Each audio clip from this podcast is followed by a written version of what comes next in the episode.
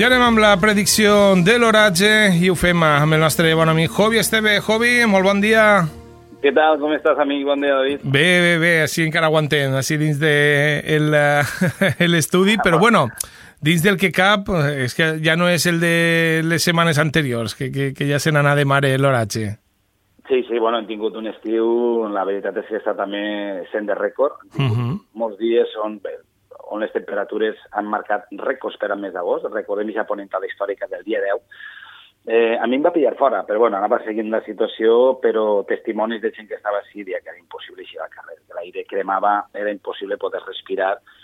Eh, va ser una jornada, com deia, que va trencar molts rècords de temperatura en molts dels observatoris de la nostra comunitat i on es donaven dos elements que eh, són necessaris per a parlar de temperatures per damunt de l'habitual. Una massa d'aire càlid procedent del nord d'Àfrica, que es va situar damunt de la península ibèrica, damunt de nosaltres, de la nostra comunitat, i per una altra banda, l'entrada de vents de component terral, de vents de ponent, que van recalfar encara més aquesta massa càlida. Eh, quan tens els dos elements per separat és molt difícil parlar de rècords. Quan parle d'una ponentada potent és molt difícil arribar a aquests 47 graus que vam tindre en l'aeroport de Manises, o quan tens una massa d'aire càlid africana també és molt difícil que per si mateixa pugui arribar a aquests valors però quan combines aquests dos elements és quan, eh, bueno, pues tens com a exemple aquest ambient infernal que vam eh, patir el dia 10 i que ja es queda ahí per als anals de la història. No? Un nou rècord, de nou rècords que trenquem a l'alça, seguint sempre superant els rècords a l'alça, això és un símptoma evident de que el canvi climàtic és innegable i el que hem de fer és bueno, pues reaccionar molt, eh, molt ràpid per a, per a poder eh, evitar mals majors no? en un futur. Això és un tema a banda. En tot cas, el mes de juliol, mes de juliol més càlid des de que hi ha registres oficials a nivell planetari, és a dir, un nou rècord també de temperatura. Aquest estiu està deixant els rècords. Mm, l'estiu passat ja va ser el més calorós de, de, de tota la sèrie, uh -huh. i este, la veritat és que no, no, no, no pinta malament. Està sent molt semblant a aquell, sobretot en humitat. El més pesat d'aquest estiu més que aquestes temperatures màximes, que de manera puntual hem tingut algunes ponentades aquest estiu que han donat valors molt alts per damunt dels 40 graus, eh, el problema està sent, està sent l'elevada humitat ambiental i de nou les mínimes. Eh? L'estiu passat va ser eh, insufrible, pràcticament per aquestes no, mínimes nocturnes tan elevades i aquestes eh, humitats relatives tan elevades que fan que la sensació tèrmica sigui molt més alta que la temperatura que marca el termòmetre. Durant el dia, bueno, pots funcionar, aire condicionat, pots estar en llocs més ventilats, però i de nit estàs en casa dormint, vols descansar, tens mínimes que no baixen. en tot l'estiu no han baixat els 20 graus. Això també és un altre símptoma. És a dir, tenim nits tropicals ja persistents i que ja s'han quedat de manera contínua amb nosaltres. Ja és normal parlar d'una nit tropical, però és que a més estem parlant ja de nits tòrrides o infernals, que és quan no baixa el mercuri dels 25 graus de nit. Uh -huh. I això han tingut moltes nits este hivern, eh, perdó, aquest estiu, on el mercuri no ha baixat dels 25 graus. Però si això li afegixes humitats com les que avui, per exemple, tenim, ara mateixa tenim en la ciutat d'Alcira, fa 5 minuts teníem 27 graus mentre esperava que me tocareu i en pràcticament 5 minuts ha pujat un grau la temperatura. Tenim Caram. 28 graus ja quasi 28 sí, graus, sí, sí, ja un 76% d'humitat. Sensació sí. tèrmica de 31, que a les 9 i a les 9 del matí estàvem en 24 i mig, ha pujat 3 graus en apenes una hora. Sí, sí, efectivament. I el tema és que en la pàgina web d'Inforatge, si entrem en la pàgina web municipal del CIRA, hi ha un uh -huh. banner que fica l'oratge, si punxem i disparem, s'obre la pàgina nostra, on podem veure aquest resultat fruit de la combinació de la temperatura que està fent en aquest moment més la humitat relativa, que és molt elevada, i la sensació tèrmica ara mateix, ara tenim quasi 28 graus i un 76% d'humitat en la ciutat del Cira, pues bueno, la sensació tèrmica, la temperatura real que notem a l'eixida del carrer és de 31 graus. Quasi res. A les 10 i 18 minuts, eh, de matí, mm -hmm. o sea que, cuidado. Esta nit... I, i, i, en la, i en l'estació, eh, disculpa, en l'estació de l'Alquenància acaba de veure 29 graus, sensació tèrmica de 33. Efectivament, estem parlant d'una de les cinc estacions que tenim. Si sí, sí, en la Murta, en la Murta igual, la, la Casella igual i una miqueta més baixa en el polígon nord, 27 graus, 20, 30 ja, quasi de, de sensació tèrmica. Clar, quin és el problema, David? Que encara no, encara no han mogut les brises. Encara uh -huh. no han entrat les brises, entraran a partir de les 12 del migdia aproximadament, que és el que ventila una miqueta i frena el termòmetre. Però és que fins que no entra el, la brisa tenim un matí que a veure qui pot funcionar. És que te dutxes i als 5 minuts ja estàs xorrant a sí, sí, sí. I després la sensació de calor, eh, bueno, sobretot gent major, xiquets, eh, gent amb problemes respiratoris. Este estiu està sent brutal. Turistes que venen a la nostra comunitat, tinc amics que han vingut d'Alemanya, d'Inglaterra, i me, me diuen que si això continua que van a pensar-se eh, el destí de cara a l'estiu que ve. Claro, és que això és un problema per a nosaltres. Sí, sí, sí, sí. tindre el sol que tot el món busca en estiu de, en tota Europa i unes temperatures, pues, bueno, la calor, que a tots ens agrada en estiu, o la gran part de gent ens agrada la calor, però si li clavem ja temperatures més altes del normal i si clavem humitats altíssimes, la sensació és que així l'ambient és irrespirable, no pots disfrutar uh -huh. ni de la platja, ni de les ciutats, perquè l'efecte illa de calor dins de les ciutats encara és més brutal durant el dia i durant la nit. I després tens un altre problema afegit, que és el mar, el mar Mediterrani. Tenim un mar que cada vegada està més calent. Uh -huh. Ara mateix és un dels mars que més està calfant-se a nivell mundial, a nivell global. Uh, tenim 28 graus i pico davant del nostre litoral. És una altra locura. És a dir, entres i no te refresques, és un caldo. Uh -huh. I molta gent diu que està millor fora que dins. I això és un altre problema de cara a la temporada de pluja. És a dir, jo no pare de repetir-ho així al programa. Uh -huh. Un mar mediterrani no genera eh, danes ni fabrica borrasques. La gent es pensa que quan més calent, més pluges tindrem, més inundacions a la tardor. No és així. És un element a tindre en compte perquè en cas de que a partir sobretot de setembre, octubre i la primera quincena de novembre, que és quan més cal, encara està calent el mar Mediterrani, si alguna dana s'acosta a la nostra comunitat, el tindre un mar Mediterrani càlid vol dir que tens més vapor d'aigua en l'atmosfera, més aliment a aquestes borrasques que puguen acostar-se, eh, i en definitiva, si després tens, després de component marítima, tens un còctel explosiu per a parlar d'inundacions o de pluges torrencials, però necessites aquests tres elements. I sobretot que si no s'acosta ninguna dana, que a partir de setembre ja, inici de setembre, és quan ja les borrasques que circulen en latituds més altes, val, ja comencen, eh, comença a debilitar-se l'anticicló de les Açores damunt de la península, comença a baixar de latitud, les borrasques comencen a acostar-se a nosaltres, i si ganes és molt difícil que en estiu les tinguem pròximes, però ja baixen de latitud, ja comencen a arrimar-se al nostre territori i per tant ja tens possibilitats de que pugui acostar-se alguna. Però de per si, un mar no fabrica danes i per tant l'exemple més clar és l'estiu del 2003, que fins l'any passat era el més càlid des que tenim registres, uh -huh. l'any passat va ser el més calorós, el del 2003 ha passat a ser el segon, també tot el món parlava del mateix, bueno, la, la tardor serà una locura, anem a morir ofegat, vindrà un tsunami, és a dir, els, els titulars que els encanten a la premsa, i no va passar res, i ja ho advertíem, que un mal mediterrani només no fa, no fa por, és a dir, no, no, no genera eh, pluges torrencials, li fan falta més coses. I, efectivament, la tardor que va vindre després d'aquell estiu del 2003, va, aquest estiu va vindre precedit d'una tardor seca, absolutament.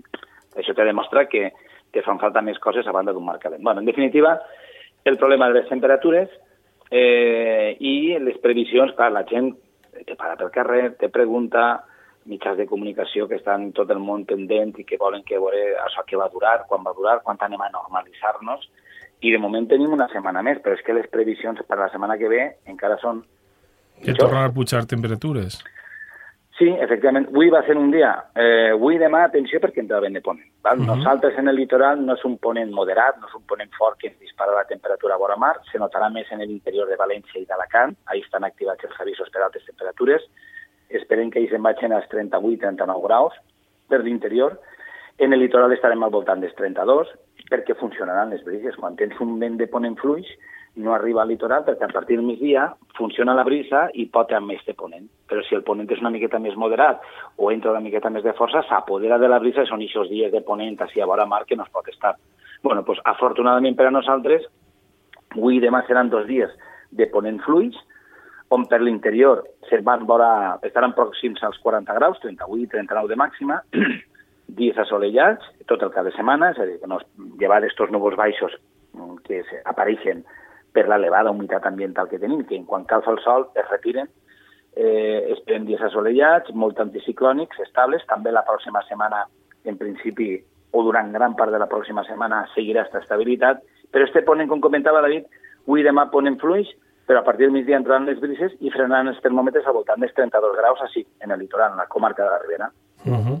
Diumenge es retira vent de ponent, eh, les temperatures baixaran un poquet, estarem en 30-31 graus així en la comarca, I la pròxima setmana començarem, perdó, sense novetats destacables. destacables. Seguirem amb sol, estabilitat, molta humitat relativa, nits molt pesades, amb mínimes que seguiran tropicals o, o seguiran en la mateixa línia que estan, que estan tenint estos, eh, estes últimes setmanes. I atenció perquè eh, bueno, tindrem la quarta onada de calor de la temporada wow. en el centre o en gran part de la península ibèrica. A nosaltres, esta vegada no es tirarà damunt de nosaltres, afortunadament la comunitat valenciana podríem dir que el que és la zona prelitoral i litoral estarem una miqueta al marge, però qui tinga que desplaçar-se cap a l'interior del país, cuidao, perquè de nou anem a tindre tota la setmana una massa d'aire càlid procedent del nord d'Àfrica que va a deixar un ambient també molt calorós, sembla que no serà tan potent com les últimes, com les últimes que hem tingut, però de nou temperatures per damunt dels valors habituals per a aquesta època, i nosaltres, com dèiem, anem a tenir una setmana on el termòmetre estarà al voltant dels 37 per l'interior, per això de que ens tocarà el refiló, afectarà una miqueta més a l'interior de la comunitat, i en el litoral pujarà una miqueta més. Estarem al voltant dels 33, eh, algun dia podem tocar els 34 graus, que, bueno, passat de 30 en l'estiu, en la humitat que tenim, ja és dies calorosos, eh? És a dir, que ens espera una setmana calorosa, i atenció perquè entre divendres i dissabte de la setmana que ve, els models apunten a la probable entrada d'una vaguada molt profunda que podria acostar-se per la zona de Galícia, per eh, l'Atlàntic, vindria apropant-se a la península ibèrica i si es despenja una miqueta més és mm, probable que bueno, puguem parlar així d'un canvi d'oratge entre divendres i dissabte les temperatures es desplomarien i sobretot si l'oratge també bueno, podria també estabilitzar-se en funció de si es despenja més o menys i aquesta llengua d'aire fred en altura que tindrem afectant a la meitat nord peninsular, podria també afavorir la presència que, si, si es mantenen les previsions, pues parlarem de tronades localment fortes en l'interior de València i de Castelló. I anem a veure que en aquesta època de l'any i en la calor que tenim, possibles reventons, possible pedra, són situacions que de confirmar-se i ser vaguades, que ja són de per si eh, prou actives poden donar molts problemes a la península ibèrica i nosaltres anem a veure com es situa, però tenim canvi d'oratge a finals de la setmana que ve. Uh -huh.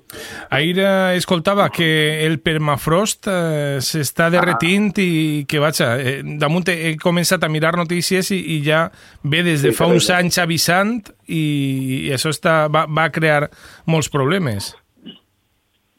Sí, sí, el permafrost, bueno, cal dir que és aquesta capa de gel mm, permanent que hi ha durant tot l'any en latituds altes del planeta, en latituds polars, bueno, pues este canvi climàtic està afavorint que es derretisga i que bueno, pues això crea molts problemes, molts problemes, sobretot també a nivell de salut pública, perquè hi ha molts, molts eh, virus que estan durant mils i mils d'anys allí baix clavats i si anem eh, la capa de gel que hi ha damunt va derretint-se, queden exposats i poden, eh, bueno, podrien afectar-nos a, a la població mundial. En tot cas, bueno, eh, caminen altres problemes derivats que no són tan greus com este, eh, que seria pues, que en zones que normalment hi ha gel pues, eh, eh, es derretís i bueno, pues, després el, el que és la, la circulació per aquesta zona és pràcticament impossible per, per, per, per l'encharcament que produeix i és un problema a tots els nivells, això del permafrost, no? perquè el que t'està donant a entendre és que bueno, pues el canvi climàtic està ahí, que dona molts problemes associats a ells,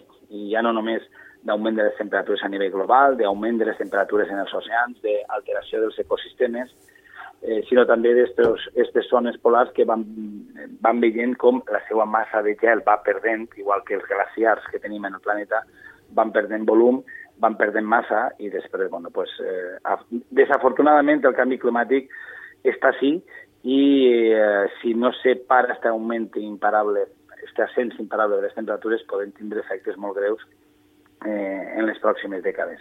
Clar.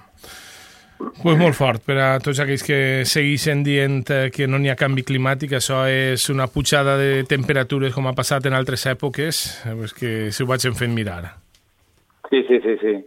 Sí, de fet ja t'he dit que tu comentaves molt bé, no? El tema de, del permafrost, ara estan eixint moltes, eh, moltes notícies, sobretot a la zona de Rússia, eh, virus que tenen més de 40, més de 48.000 anys d'edat podrien quedar exposats, i, claro, estem davant d'un nou escenari, amb este augment de les temperatures. Per això dic que no només és dir eh, venia gent que es pensa que si puja les temperatures pues, li donarem més a l'aire condicionat i que Ja. no, no, no és això, és algo més greu Clar. i qui ho negui hauria de fer-se un mirar. Ja no estem parlant d'interessos, sinó que això sí que era un debat fa unes dècades de si hi havia interessos polítics o no en el tema del canvi climàtic, però bueno, ja està així, és una realitat. Ara no, el problema no és si tenim canvi climàtic o no, que bueno, pràcticament en la, en la, eh, el total de l'opinió pública a nivell mundial, pues, tot el món té clar que sí que està passant alguna cosa i que està així ja el canvi climàtic, sinó que el debat que tenim ara és què passarà en els pròxims anys si continuem contaminant el ritme que ho estem fent. Clar. I, en fi, apostar per les noves energies alternatives